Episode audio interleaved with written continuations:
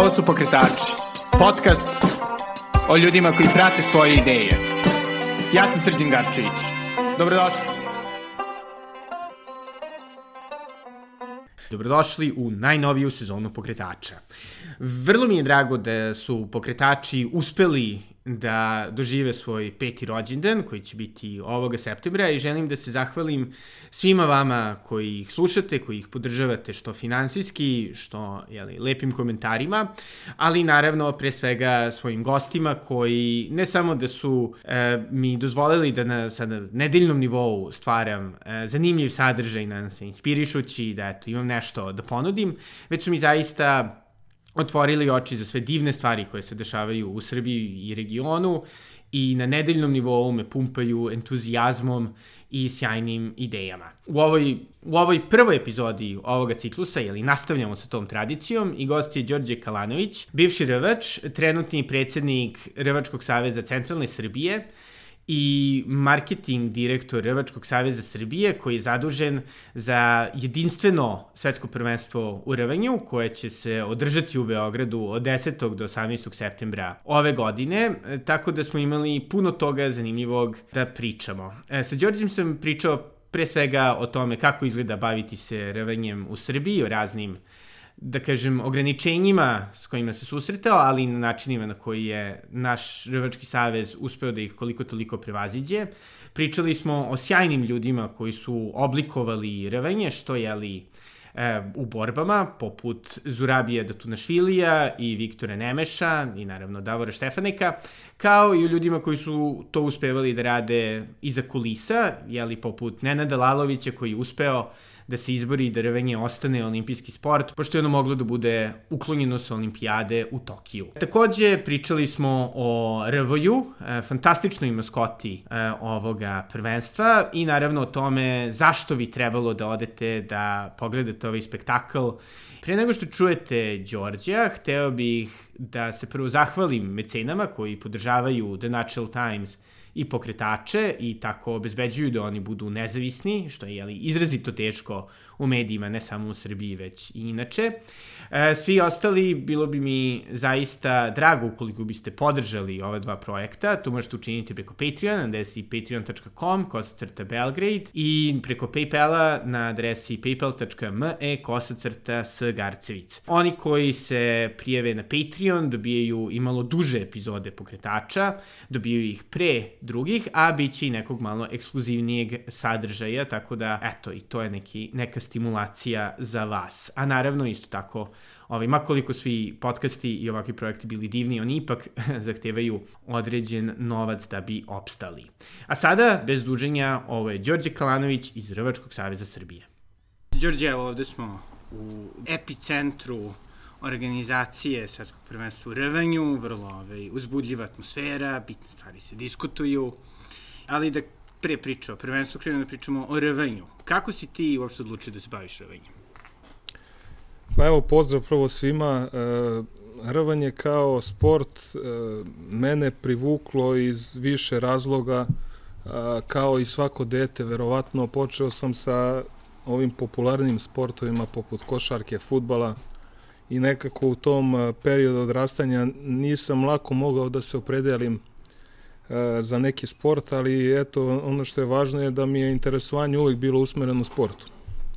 Ono što bi mogao da kažem za, za rvanje i kako sam ja odlučio da počnem da treniram rvanje je apsolutno bilo slučajno. E, otišao sam sa drugarom da probam, iako sam u tom momentu već trenirao nekoliko sportova, ali ono što je važno jeste da se na kraju jedini kao takav sport iskristalisao i ostao je jedini koji sam zavoleo i ostao sam ceo život u, da. u tom sportu i evo danas u nekom drugom svetlu, ali a, svakako je život moj, mogu slobodno da kažem, rvanje i nešto što je mnogo dobrih stvari donelo za mene, za moj razvoj, za moj karakter sigurno, pa na kraju, a možda i najbitnija stvar – za zdravlje samo i za razvijanje i, i, i odrastanje u zdravom duhu. I koliko si godina imao kada si prvi put otišao na rvenje?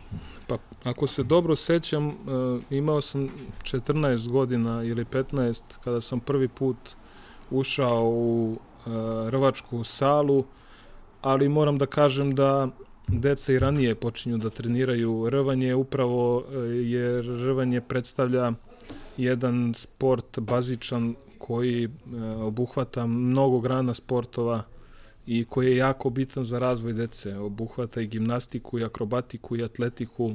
Nisu to samo ti udarci i padovi kao što mnogim roditeljima pre svega da. ovaj se čini, ali definitivno uh, važan sport za odrastanje dece i sigurno da bi preporučio svakom detetu da uđe u rvačku salu, pa imamo i slučajeve da i košarkaši i futbaleri dolaze na naše treninge prosto e, imaju potrebu da vide šta se radi na, na rvanju, e, da prođu kroz neke vežbe koje mi prolazimo jako su bitne za koordinaciju, za stabilnost, za pozicijno kretanje.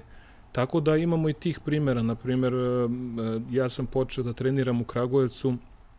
E, naši košarkaši iz Kragujevačkog radničkog futbaleri dolazili su jako često u naše sale i verujte, bili su oduševljeni našim treninzima. Rovanje predstavlja jedan od najtežih fizičkih sportova i kao što sam i rekao, vrlo je važan ne samo za nas kao rovače, nego evo imamo danas i primer popularnog MMA sporta gde su apsolutno najbolji u tom sportu iz rvanja. Ali šta je učinilo za tebe rvanje izuzetnim spremom ovih drugih sportova kojima se bavio?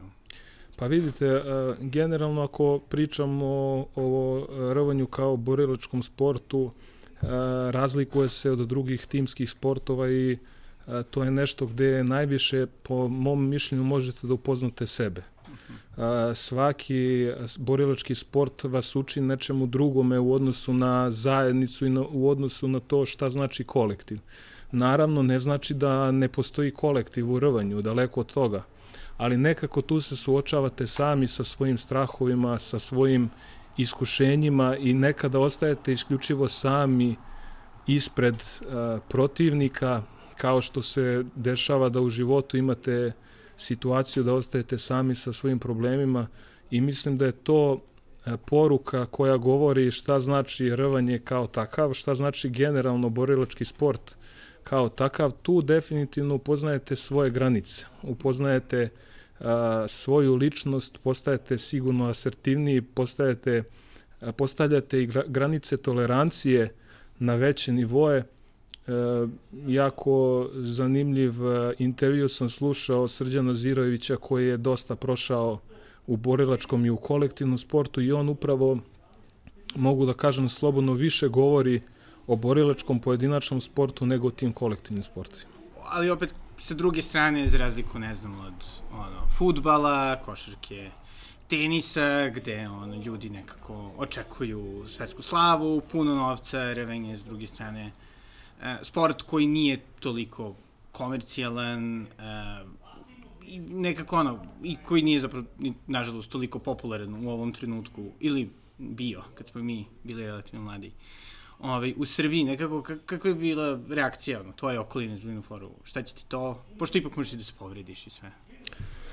Pa jeste, ja bih ovaj, odmah rekao da su to stereotipi što se povreda tiče. E, mi, hvala Bogu, nemamo situacije gde su drastično opasne povrede po naše rvače. Pre svega, zasluga tome je ono da se vratimo na početak našeg razgovora, i da se vratimo na te grane sportova koje rvanje obuhvata. E, apsolutno svaki rvač fizički mora da bude jako spreman i to je ono što nas spašava od tih povreda i pehova. E, nema povreda e, kao što se to čini na prvi pogled preterano u rvanju ili možda pravilnije ili tačnije rečeno je kao i u svim sportovima tako ima povrede i u rvanju. Ništa više od toga, možda ništa ni manje, ali to je nešto što je što nije uobičajeno. Voleo bih da, da skrenem pažnju na, baš na to da se isključi taj stereotip među ljudima da su generalno, ajde da pričamo konkretno o rvanju, da je takav sport koji se čini opasnim, koji je opasan za decu, koji je opasan za aktere samog događaja, apsolutno nije. Rvanje kao sport je plemenita veština, razlikuje se od drugih borilačkih sportova u mnogo stvari. A istakao bih pre svega da rvanje nema nameru da nanese udarac protivniku, nema nameru da mu sačini polugu, nema nameru apsolutno da ga povredi. A sa druge strane imate borbu i nadmetanje između dva čoveka ili dve žene, imamo i žensko rvanje, ne bih isključio to. E, tako da e, imate apsolutno želju i motiv da savladate protivnika, da mu pokažete nadmoć, ali bez namere da ga udarite i povredite. To go, dovoljno govori o tome koliko je u stvari rvanje plemenita veština i koliko ga razlikuje u odnosu na druge borilačke sportove. Vratio bi se sada, pitao si me kako je to počelo i da nije popularan dovoljno kod nas i da nije dovoljno plaćen i to je tačno. Ko govorimo o našoj zemlji, pomenuo bih da postoje zemlje gde je rvanje nacionalni sport, gde rvači ozbiljno zarađuju od rvanja. To su pre svega Rusija, Amerika, Turska, pa mogu da napominjem sve zemlje. Kavkarske zemlje. Tako je, Sovjetskog saveza. To su prosto sportovi koji su bitniji od svih onih za koje mi mislimo da su popularni ovde kod nas ali nažalost kod nas i dalje nije prava slika toga šta rvanje zaslužuje i gde mu je mesto pod suncem, da kažem, u našoj državi. Mislim da je danas dosta bolja slika svega toga. E, Rvački savez Srbije poslednjih 10 godina ima sjajan kontinuitet koji mogu da kažem da redko koji sport može time da se pohvali. E, svako prvenstvo svetsko i evropsko Rvači su se vratili sa barem jednom medaljom, a bilo je najviše tri. Nadam se da ćemo i sad barem izjednačiti taj rezultat, da. ali verujte, veliki je rezultat je da bude osvojena jedna medalja. Kao što smo rekli, nije dovoljno plaćen sport, još uvek ne. Mislim da oni, da kažem, najbolji sportisti, najbolji rvači u našoj zemlji imaju uh, taj finansijski moment i e, ne mogu da kažem da je to bilo adekvatno e, poslednjih 7, 8 ili 10 godina. Danas čini mi se da je dosta bolja slika toga, uz naravno podršku i ministarstva omladine i sporta i države koju, koja dosta u poslednje vreme ulaže u sport.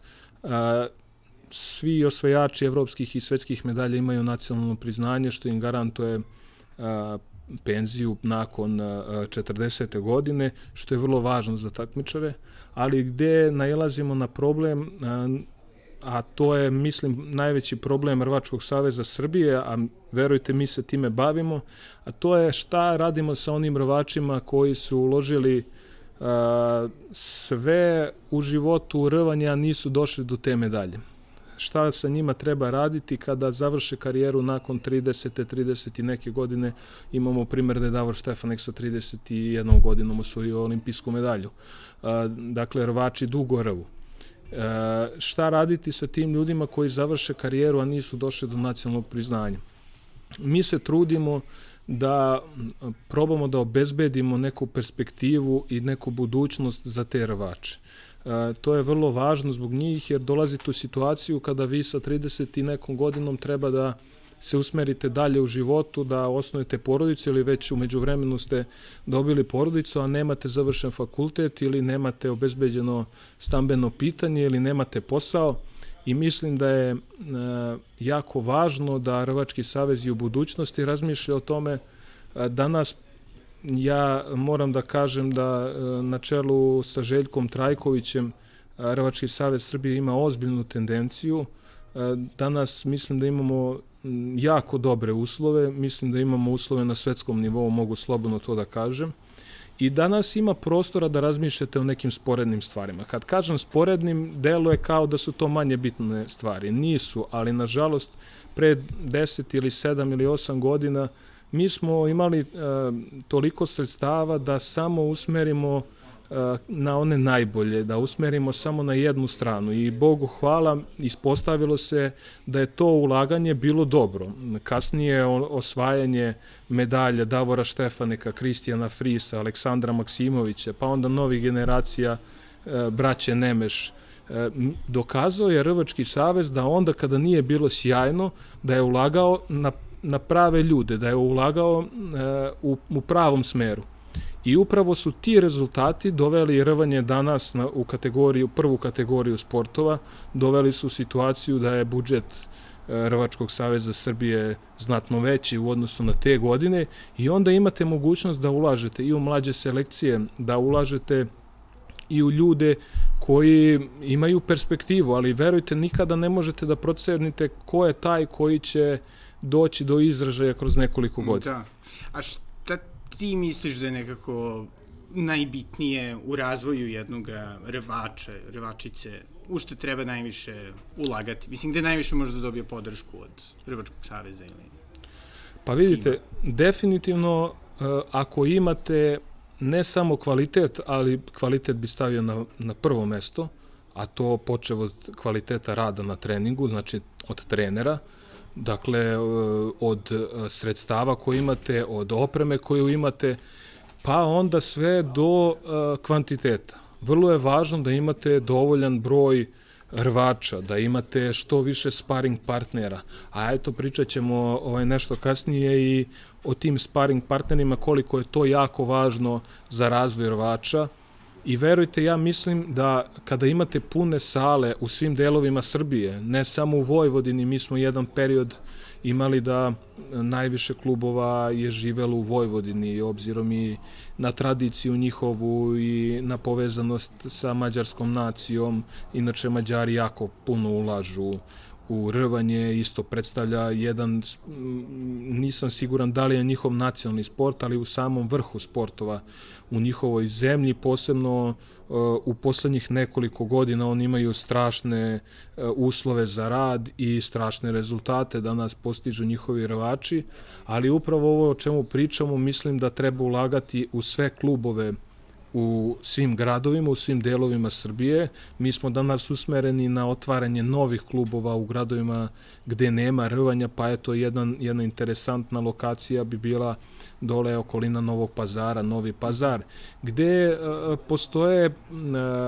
da kažem, uh, više u, u nekom kulturnom tom, u kulturnim običajima i kulturnim razdobljima, prosto, znate, taj dole deo Srbije imate tradicionalne igre, ne znam, bacanje kamena s ramena, rvanje u pojas i tako dalje. Znači, e, prosto e, mislim da treba razmišljati o tome gde bi to, kojoj bi prosto populaciji, odnosno kojim, kom, kom delu Srbije bi to bilo zanimljivo. Pa onda dole Niš deluje kao grad koji je ozbiljan posle Beograda i Novog Sada, najveći grad u Srbiji. I mi imamo plan da u budućnosti upravo ulažemo u takve gradove. Za početak trebamo da targetiramo te gradove gde smatramo da bi se prosto rvanje naišlo na odaziv e, ljudi, dece u, u tom gradu i onda korak po korak da usmeravamo mi naša sredstva u te gradove, pa onda sledeći korak bi trebao da bude da pokušamo da što više novca uđe u taj sport preko lokalnih samouprava. Da. I kada imate situaciju da ima dosta e, kvalitetnih klubova, kada u njih ulažu i lokalne samouprave i sponzori, onda imate situaciju da je dosta novca ušlo u sport i onda možete da očekujete veće rezultate. Da, a bi više da se, jeli, da si predsjednik e, Rvačkog saveza centralne Srbije, ovaj, isto mi interesuje kako izgleda, da kažem to, ono, privlačenje ljudi na revanje, ne samo da se ili, ovaj, takmiče, da treniraju, već i da ga gledaju.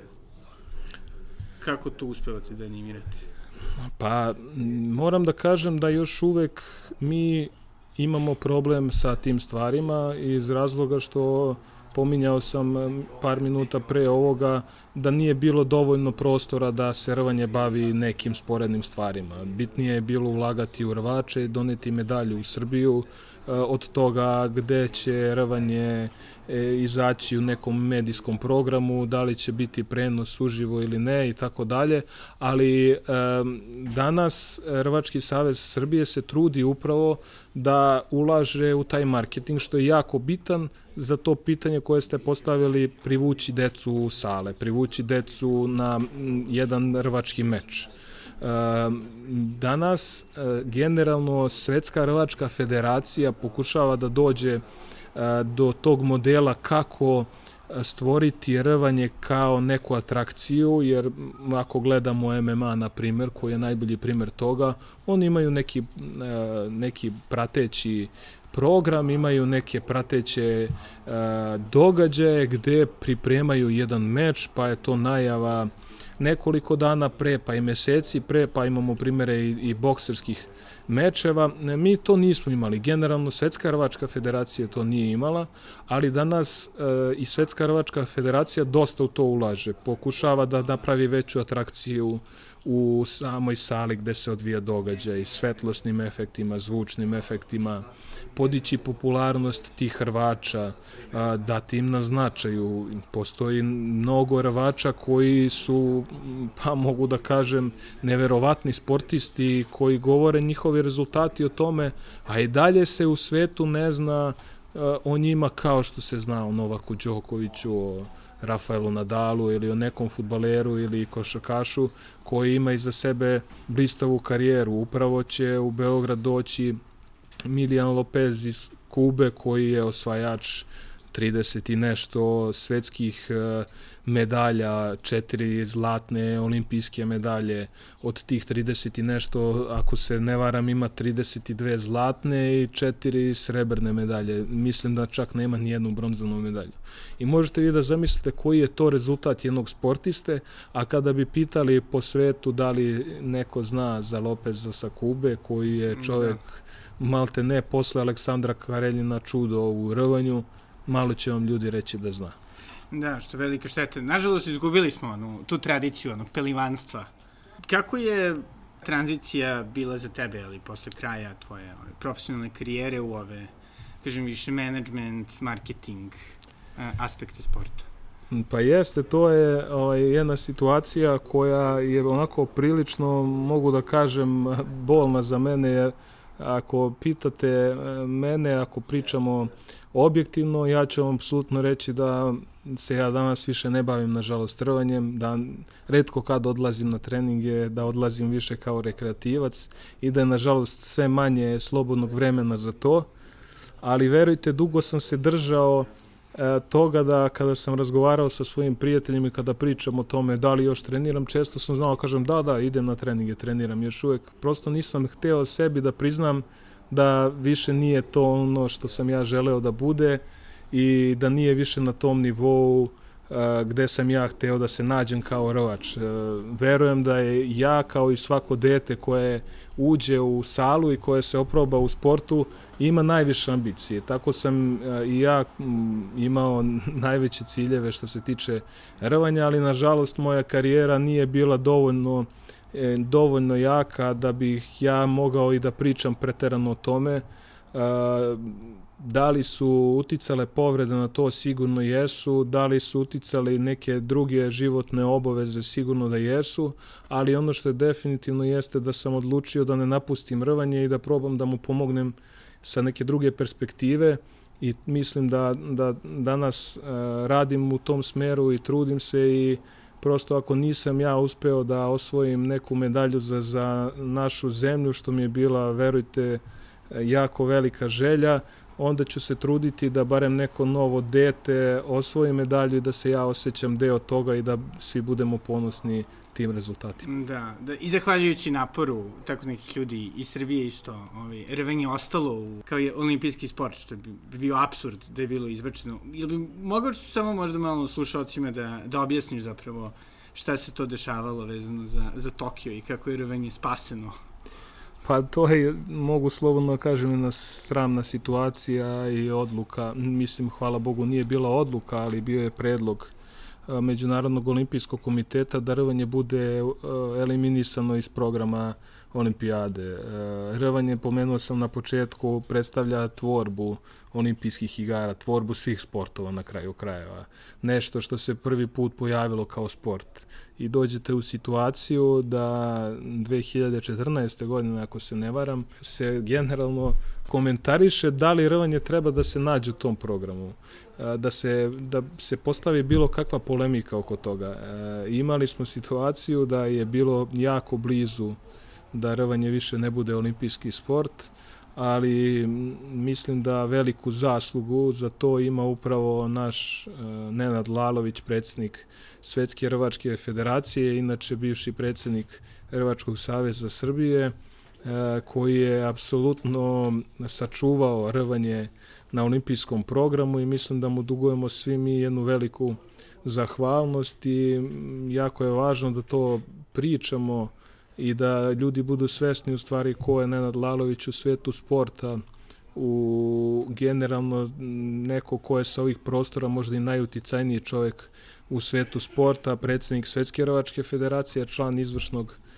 biroa MOKA, visoka funkcija je ovaj njegova i prosto moramo da pomenemo da je on možda i najzaslužniji za to što danas ipak rvanje jeste na programu olimpijskih igara i što se nakon toga e, Srbija mogla radovati zlatnoj olimpijskoj medalji Davora Štefanika, pa kasnije i bronzanoj medalji Zurabija Datunašvilija i nadamo se u Parizu da će biti još medalja. Mi se nadamo da ćemo nastaviti taj kontinuitet osvajanja medalja na olimpijskim igrama i kao što ste rekli, eto još jednom moramo da pomenemo ime Nenada Lalovića i da ukažemo veliku zahvalnost za to što je uradio za rvanje. Pomenuli ste ovaj, Zorabije Tunašvilija, je, je zapravo jedna fantastična priča u tome kao internacionalizaciji, da kažem, rvanja u Srbiji. Koliko je ovaj, dolazak ruskih i ali, gruzijskih e, sportista obogatio ovde scenu?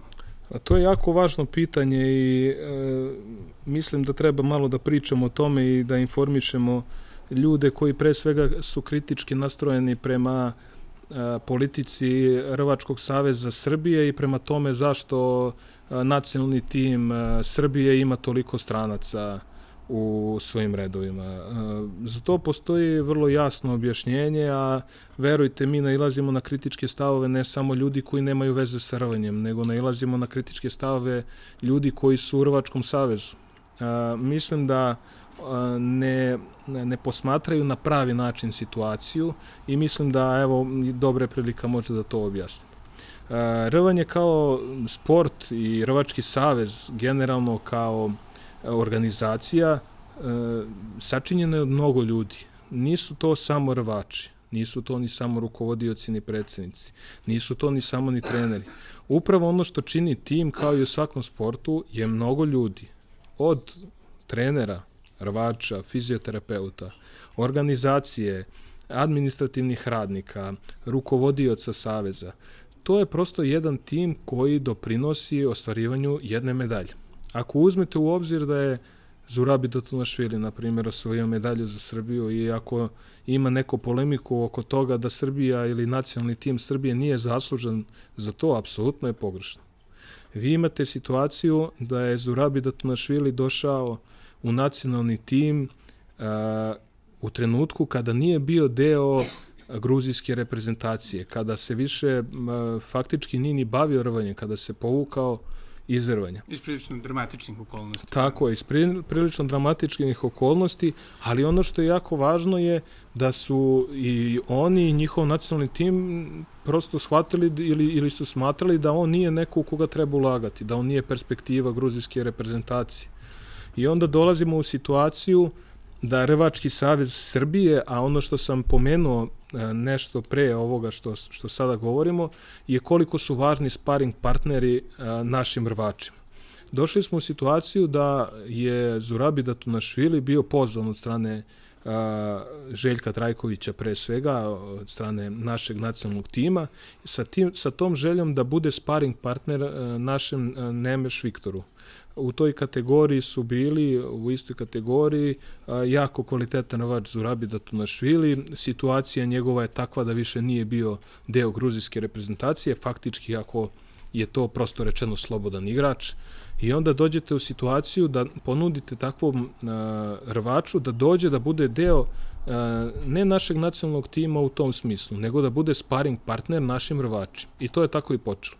Zurabi Datunašvili je na početku došao da trenira sa našim rvačima, da bude sparing partner prvenstveno Viktoru Nemešu.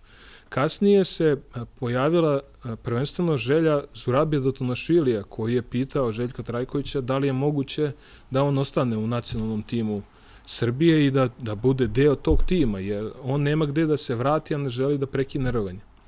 Naravno, ko to ne bi prihvatio? Nije bila ni situacija takva da je Zurabi bio komplekt, kompleks, ovaj, kompletan rvač i da smo mi znali da će on osvojiti neke medalje. Apsolutno ne. Ali je bilo zašto ne, u redu, nemaš svoje mesto u svojoj zemlji, ok, obezbedit ćemo ti mi uslove, pa šta uradiš, nije na kraju krajeva ni bitno. I eto, to je istorija Zurabije Datonašvilija i kako je on došao u nacionalni tim. Kasnije se ispostavilo kao uh, evropski šampion, svetski šampion i osvojač bronzane medalje na olimpijskim igrama, ogroman rezultat za jednog rvača samo jednoj godini. To je rezultat koji redko ko može da se pohvali. Ali ono što bi sad istakao je da to nije zasluga Zurabije Datmašvilija isključivo. Nije to zasluga ni nacionalnog tima Gruzije, nego je upravo i zasluga nacionalnog tima Srbije i organizacije Rvačkog saveza Srbije i to što je Rvački savez Srbije prepoznao da ok, potrebno je ulagati i u tu granu da kažem obaveza naših organizacije, sparing partnera, kvalitet, podizanja kvaliteta treninga našim rvačima. Kroz sve to je došla ta medalja. I vrlo je pogrešno kada nailazimo na kritike u smislu da smo mi dobili kompletnog uh, rvača koji je plaćen, došao da uzme medalju i mi se sada hvalimo tom medaljom. Da. To je apsolutno pogrešno. Čisto mi interesuje iz perspektive, jeli, ako se bavio revenjem, koliko znači imati ono, sparing partnere uh, u ostalom, ne kažem, kolege koji dolaze iz nekih drugačijih ono, rvačkih kultura, gde je to ipak dosta više. Mislim, u Gruziji je to nacionalni sport, glavni, je li tako? Jeste. To je jako važno.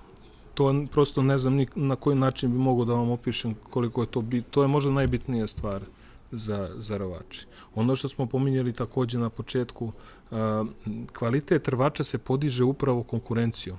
Vi kada imate jaku konkurenciju u, u Rvačkom savezu Srbije na treningu u klubu, vi se razvijete tada napredujete, tada se najviše napreduje. Vi kada dođete u situaciju da ste bolji od svih u svojoj zemlji ili u svom klubu, vi više ne napredujete. I to je upravo ono što je Rovački savez prepoznao na vreme. I što je Rovački savez došao u mogućnost da može to da finansira. Verujte, to je jako veliki izdatak za Rovački savez Srbije. Mi imamo situaciju da i danas dolaze rvači iz drugih nacionalnih timova da treniraju sa našom reprezentacijom, pa jedan uh, princip rada toga je da mi odlazimo u druge države na pripreme, da treniramo sa drugim reprezentacijama. Čak je naša reprezentacija odlazila na Kubu, gde je takođe jako popularno rvanje i oni imaju odlične rvače. Znači, upravo je to razlog zašto mi odlazimo u druge nacionalne timove, zašto plaćamo toliko da dođu ljudi da treniraju sa nama, da treniraju sa našim rvačima i to vam govori uh, u prilog tome koliko znači sparring partner. Kada vi pomerate granice iz meseca u mesec, vi napredujete kao rvač i dolazite u situaciju da možete da se borite za medalju. I danas imamo dosta uh, da kažem, naturalizovanih Srba kod nas u nacionalnom timu. Ali verujte mi, imamo dosta i naših Hrvata. Niko ne, ne brani ili ne osporava situaciju da bilo ko na treningu ili na pripremnim borbama, ko je bolji, taj će se naći na, na spisku reprezentacije. Ko je bolji, taj će ići na evropsko ili svetsko prvenstvo. Mi danas, hvala Bogu, imamo više takmičara u kategorijama prvenstveno ako govorimo o kategoriji 67 kg. Ali evo, imamo situaciju da nekada možemo i da biramo koga ćemo povesti na takmičenje, ili na evropsko ili na svetsko prvenstvo ili na neko međunarodno takmičenje. Ali nailazimo i na kritičke stavove ljudi iz našeg saveza, gde ne mogu da shvatim da a, prosto neko ko je u rvanju toliko go godina ne shvata da nije bitno što mi imamo Iranca u kategoriji 67 kg, ako imamo Nemeša Matea ili a, Nađa koji može da pobedi tog momka u toj kategoriji, pa ne, evo, ako može da pobedi, taj će se naći na svetskom prvenstvu ili na evropskom prvenstvu. To nije sporno. Vi ako mislite da osvojite medalju na svetskom prvenstvu, vi morate tog Iranca da pobedite za bilo koji nacionalni tim da on rve. Da li je za Iran ili za Gruziju ili za bilo koji nacionalni tim, vi morate da budete spremni od njega. Da. A da kažem iz tvoje trenutne perspektive kao nego ko se bavi jeli, i managementom i marketingom u rvanju, jel tebi isto znači da čuješ njihovo iskustvo sa njihovim savezima, kako to kod njih organizovano, promovisano? Pa da, sigurno. Ovaj, sigurno da znači e, mi prosto iz tog razloga često odlazimo i na organizacije svih e, takmičenja Svetske rvačke federacije. Upravo se danas u razvoju tehnologije razvijaju prosto i metode komunikacije sa medijima i promovisanja rvanja, ali prvenstveno ono što mislim da je najvažnije i za koga je najvažnije je za naše trenere. Mislim da je najvažnije upoznati se sa kulturom, na primer, gruzijskog nacionalnog tima. Mislim da ključan čovjek koji treba da, da to dobije tu informaciju ili da se upozna sa tim je trener. Kada trener ima informaciju o tome kako jedan gruzijski tim trenira ili kako trenira jedan kubanski uh, tim, mislim da je to jako važno za nas. E, opet, nije to dovoljno i ne možemo mi primeniti metode treniranja, na primjer, kako to rade u tim delovima sveta poput bivše Sovjetske republike pa posebno u tom azijskom delu ili, ili na primjer u Kubi gde je klimatska razlika totalno drugačija, gde je i fizio, fiziološki uh, sklop uh, čoveka malte ne drugačiji, ali sigurno da se može oduzeti ili pokupiti nešto što je jako važno, da se uh, naš trener dovoljno informiše i da prepozna naše rvača, svako je u rvanju, verujte, kao i u svakom sportu, različit sam za sebe. Nije za svakog rvača dovoljno raditi po principu jedne stvari. Morate kao trener biti dovoljno pronicljivi da znate šta je to što nekome treba, šta je to što mu fali, ali kada imate dovoljno informacije, dovoljno iskustva kao što mislim da imaju uh, i naš trener Stojan Dobrev i e, Vojislav Trajković i Srđan Đoković, mislim da ovaj takav jedan tim je pokazao da postoji kvalitet u njihovom radu i evo ako se vratimo nekoliko godina unazad možemo da se pohvalimo velikim rezultatima i osvajanjem velikog broja medalja. Da, koje se nadamo da će se ponoviti ali, od 10. do 18. septembra ovi, e, jeli, na svetskom prvenstvu u Beogradu, ti se e, baviš marketingom za ovaj ogroman događaj, prvi put, je tako, ovi, na našim prostorima da se dešava ovako veliko revačko takmičenje. Kako to izgleda iza kulisa? Evo, malo sam imao prilike da čujem i vidim ovaj, o kakvim se detaljima raspravlja. Onako, dosta naravno kompleksnije nego što bi ko mogao da zamisli. Pa vidite, e, svetsko prvenstvo u rovanju za seniore predstavlja najviši rang takmičenja Svetske rvačke federacije i e, moram da kažem da je u poslednjih 30 e, ili 40 godina samo jednom organizovano na prostoru Balkana i to, ako se ne varam, bilo je 86. u Bugarskoj. Od tada nikada na ovom delu sveta nije organizovano svetsko prvenstvo ako izuzmemo Mađarsku što govori dovoljno o tome koliko je Hrvački savez Srbije privilegovan e, što je dobio tu čast da organizuje svetsko prvenstvo za seniore. Onda što bih istakao je da Hrvački savez e, Srbije nije ovo prvenstvo dobio E, zato što je e, možda predsednik Svetske Hrvačke federacije Srbin. Apsolutno mislim da to nije razlog.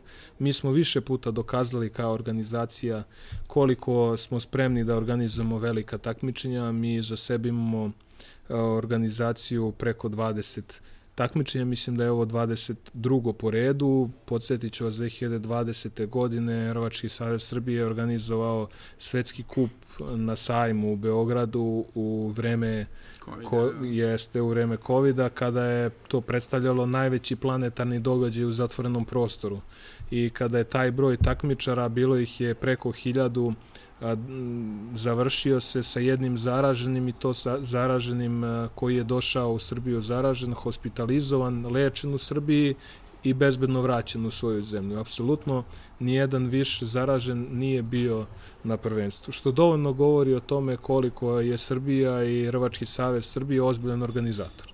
Ja se iskreno nadam da ćemo mi sada opravdati ulogu dobrog domaćina, ali verujte, jako veliki pritisak je na nama, koliko imamo, pa mogu da kažem možda i benefita u tome što je Nenad Lalović Srbin i predsednik Svetske Hrvačke federacije, koliko imamo tu čast, toliko imamo i pritisak i opterećenje na sve to, jer verujte njemu je jako važno da sve protekne kako treba u njegovoj zemlji, iako je on fokusiran generalno na rad Svetske Hrvačke federacije generalno i mislim da je to na jednom visokom nivou, da je generalno dosta Svetska Hrvačka federacija napredovala u poslednjih nekoliko godina.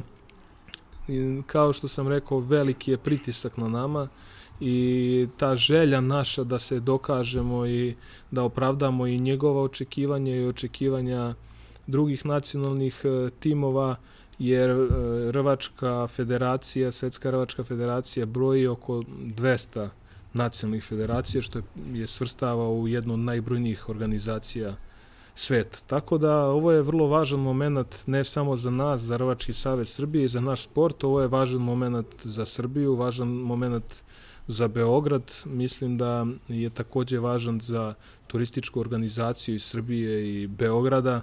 E, očekujemo veliki broj ljudi iz pre svega okolnih zemalja, ali verujte veliko interesovanje iz skandinavskih zemalja, iz Amerike, pa iz e, zemalja bivše Sovjetske republike. Vrlo je važan i ekonomski moment i naših e, turističkih i smeštenih kapaciteta. A, vrlo je važno i a, to kako ćemo mi preneti sliku u svet kao a, zemlja sporta. Mi smo generalno poznati kao zemlja sporta, iako smo toliko mali, ali mislim da imamo vrhunske rezultate u svim sportovima. I eto, kao što sam i rekao, mi smo spremni, već se pripreme privode kraju, već imamo tu završnu fazu, mislim da je gotovo već sve pripremljeno, ostali su samo neki sitni detalji. Apsolutno se i mi radujemo ovoj organizaciji. Naši ravači su spremni, mislim da je forma sada jako dobra, to su pokazali prethodni turnir memorialni u Mladenovcu Ljubomira Ivanovića Geđe zatim Pitlašinski u Poljskoj, u Rumuniji tako, takođe, gde su naši vjerovači doneli medalje sa svakih od tih takmičenja i evo ja se nadam da ćemo krunisati medaljama jer nam je jako važno, pored dobre organizacije, da donesemo i barem dve, tri medalje za Srbiju. Da. I, ovaj, da kažem, iz tvoje perspektive, šta je neko bilo najteže? Dobro, još, još nije sve gotovo, ko zna šta će da bude, nadam se da će sve biti okej, okay, a šta je do sada bilo nekako najteže u tom poslu? Pa vidite, jako je teško organizovati svetsko prvenstvo u Rovanju. Generalno je jako teško organizovati jedan rvački događaj, a pokušat ću da ukratko objasnim i zašto. Rvanje e, ima tri stila rvanja, grčko-rimski stil, rvanje za žene i slobodan stil. E, kada uzmete u obzir da treba da dođe oko 2500 učesnika na jedan takav događaj, kada uzmete u obzir da svako od nacionalnih timova, što po kategorijama, što a, po stilovima rvanja dolazi različitim letovima, da, dolaze u različito vreme, a zatim se dešava da a, nakon završetka jednog stila a, jedni odlaze, drugi dolaze, dolazi do preklapanja u letovima, odlasci, dolasci, dolazi do problema u smeštenim kapacitetima. Moramo da budemo svesni da se ne događa samo svetsko prvenstvo u rovanju u tom momentu u Srbiji. Imamo mnogo događaja koji se paralelno dešavaju sa tim, tako da su smešteni kapaciteti gotovo popunjeni. I onda možete da zamislite, ako uzmemo u obzir gužve u našoj prestonici, posebno u tim nekim jutarnjim i popodnevnim časovima, pa onda transport od hotela do aerodroma, od aerodroma do hotela, pa do trening sala, pa onda do takmičenja, pa prevozi putnika, odnosno publike gde imamo takođe obavezu da ispoštujemo i njih možete onda da zamislite koliko je kompleksno takmičenje. Nije to kao futbal, počinjemo u 7 i završavamo u 9, nego ovde imate kvalifikacijone borbe pre podne od e, pola 11 koje traju do 3 sata popodne, pa onda ide pauza od 2 sata i onda kreću polufinalne i finalne borbe i tako 8 dana. Da.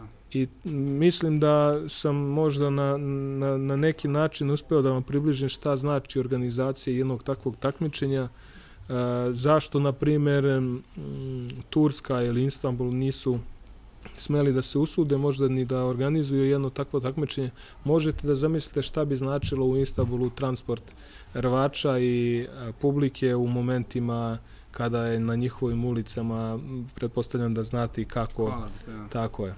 Da, i jedna ideja koja je obeležila u javnosti e, ovo takmičenje je svakako Rvoje. Kako je došlo do Rvoja? Pa do Rve, je došlo uh, pa moram da kažem nekom uh, zajedničkom odlukom, ali prvenstveno ja moram da priznam da uh, su to prvenstveno moji saradnici uh, i odgovorni za to i zahvalim sam jako za to jer sam ja bio jako skeptičan da li će takav izgled maskote svetskog prvenstva naići na dobre reakcije u javnosti. Međutim, ispostavilo se da je Rvo je za kratko vreme doživeo popularnost, da se čak o njemu pisalo i u Hrvatskoj, da je naišao na neko interesovanje među ne samo rvačkom publikom, nego generalno Širom, da. jeste u javnosti, što bi eto morao da pohvalim svoj tim, ne mogu to da pripišem sebi, ali ovaj jako sam zahvalan i našoj agenciji Autenti koja je generalno zadužena za marketing u našem savezu i gospodinu Rajku Baltiću i Mladenu Kecmanu. Eto, mi nekim zajedničkim snagama pokušavamo da, da dolazimo do idealnih rešenja. Verujte, nisu uvek e, sve ideje jednoglasne, nismo uvek usaglašeni, ali to je, mislim, i dobro i normalno i dobro je dok je tako, tako ali E, potvrđujemo da ipak to što radimo ima kvalitet i verujem da ćemo na kraju biti svi zadovoljni tim nekim našim zajedničkim odlukama. Da, mislim, meni je posebno drago zato što su tako hteli mene da nazove, jer sam bio dosta nemiran ovaj, kad sam bio beba u stomaku, ali dobro sam dosta, dosta meni, ali ovaj, a nekako, uopšte, kako izgleda, da kažem, to pravljenje neke cele atmosfere oko jeli, ovako velike stvari za koju dosta ljudi, nažalost, ovaj, možda nije dovoljno čulo, nije, nemam pojma, ono, Final Four, pa kao, ajde, svi ćemo da idemo. Kako, šta misliš da će neko biti najbitnije da se ljudi privuku? E pa to je dobro pitanje jer ovaj mi to pitanje postavljamo svakodnevno sebi. Mi upravo treba da nađemo odgovor na to pitanje kako da privučemo ljudi, ljude koji do sada E, nisu imali iskustva sa rvanjem, koji se nisu bavili rvanjem, kojima nije interesna grupa uopšte ili sport. Rvanje, e, mi želimo da pošaljemo sliku u svet da rvači u Srbiji imaju snažnu podršku domaće publike. I upravo ono što nam je veliki cilj je da napunimo Beogradsku arenu e, posebno tim finalnim mečevima i u mečevima kada se bore naši takmičari. Ja ću sada govoriti prvi put o tome, ne znam ni da li smijem, ali nadam se da smijem. Imamo ideju da propagiramo pre svega našu maskotu i da, da probamo da je podignemo u javnosti kao neko ko je prepoznatljiv. Ne samo među rovačima, nego i među ljudima generalno. E, ideja jedna od tih jeste da e, napravimo dogovor sa našim poznatim internet stranicama, sa e, stranicama na društvenim mrežama koje su jako posećene i da na taj način probamo da dopremo do najvećeg broja ljudi, pa prvenstveno mislim na tu neku mlađu populaciju, jer mislim da, da bih najviše voleo da vidim punu halu dece u, posebno u tim e, večernjim časovima kada su finalne borbe, jer je definitivno to što će ih privući i zainteresovati zarovanjem. Ja verujem da ćemo mi imati a, punu halu, posebno u periodu svečanog otvaranja kada nas očekuju borbe u kategorijama gde imamo sjajne rvače. Ako se ne varam, mislim da je te večeri borba, finalne borbe u kategoriji do 87 kg gde, gde je naš upravo Zurabi Datonešvili koji je veliki favorit za osvajanje medalje, inače branit će titulu svetskog šampiona na ovom prvenstvu i mi ćemo pokušati da upravo kroz neke od tih e, e, stranica putem društvenih mreža i putem medija da probamo da podignemo interesovanje među publikom. Jedna od tih stranica, moram da napomenem, je Nego ima srpski jezik koji ima ovaj jako veliki broj pratioca na društvenoj mreži, a to sam vam rekao upravo da bi shvatili da mi pokušavamo da nađemo neko rešenje koje će ispuniti naše želje, prvenstveno da dođe veliki broj ljudi, a na neki način i da podignemo uh, interesovanje za rvanje, prosto da napravimo neku senzaciju, jer pominjali smo malo pre neke od sportova koji prave senzaciju od svog sporta, mislim da mi moramo to da uradimo. I ja sa svojim timom ovaj, usmeren sam maksimalno na tu stranu da uh, podignemo interesovanje preko upravo društvenih mreža i medija i preko tih uh, stranica, jel te, su danas jako popularni Instagram uh, i te socijalne mreže, Facebook i Twitter, da probamo i na taj način da dođemo do, do ušiju naših potencijalnih gledalca i da probamo da na taj način napunimo naš orijen. Mm, da, da i, i jeli ovaj, konačno, eto, pošto nažalost ja sam bio vrlo nesportsko dete, Ove, je li prekasno sa 34 godine pokušati da se trenira rvanje? Mislim da nije. Mislim da nikada nije prekasno. Reći ću vam da postoje organizacije Svetske rvačke federacije za veterane, i to je klasifikovano prema godinama, tako da apsolutno vi ako bi se spremili kroz neke dve ili tri ili pet godina imali bi neku svoju kategoriju tamo da, po da. kilaži i godinama gde bi mogli da se takmičite. Da, a jel se recimo to ono razvije na način na koji se da, ne znam, boks ili MMA čak za ljudi koji naravno ne žele tim da se bave profesionalno? Mislim, jel post, se popularizuje rvanje kao eto?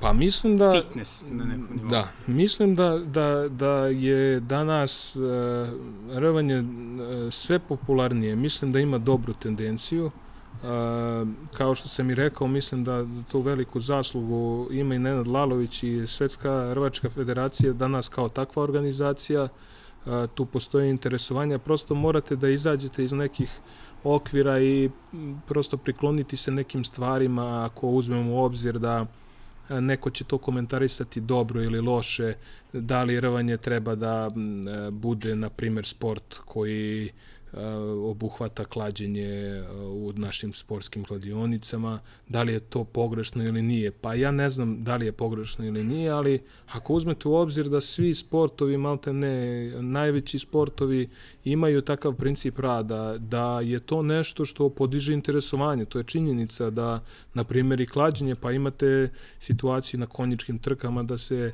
ljudi klade i da je to jako primamljivo za publiku.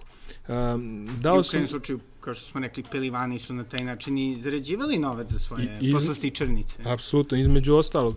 O, I upravo odgovor na to pitanje je Mislim da je Svetska Hrvačka federacija danas spremna da se prilagođava tendencijama, da se prilagođava promenama, da ipak treba sačuvati uh, onaj identitet kao takav, vratit ćemo se opet na olimpijski sport, na, na tvorbu olimpijskih igara, na, na začetak olimpijade, ali mislim da moramo da se prilagođavamo i toj atrakciji što radimo, da nas ulaže dosta rvački, e, Svetska rvačka federacija u to, podiže se na atrakciji, ali moraju se pratiti neke tendencije, pratiti društvene mreže, pratiti e, se medije, pa verujte, ovaj, potrebno i da se naši rovači nađu nekada u nekoj medijskoj pažnji. E, znate kako se nekada ovaj govorilo, a govori se danas da je i, i loš, loš marketing dobar marketing.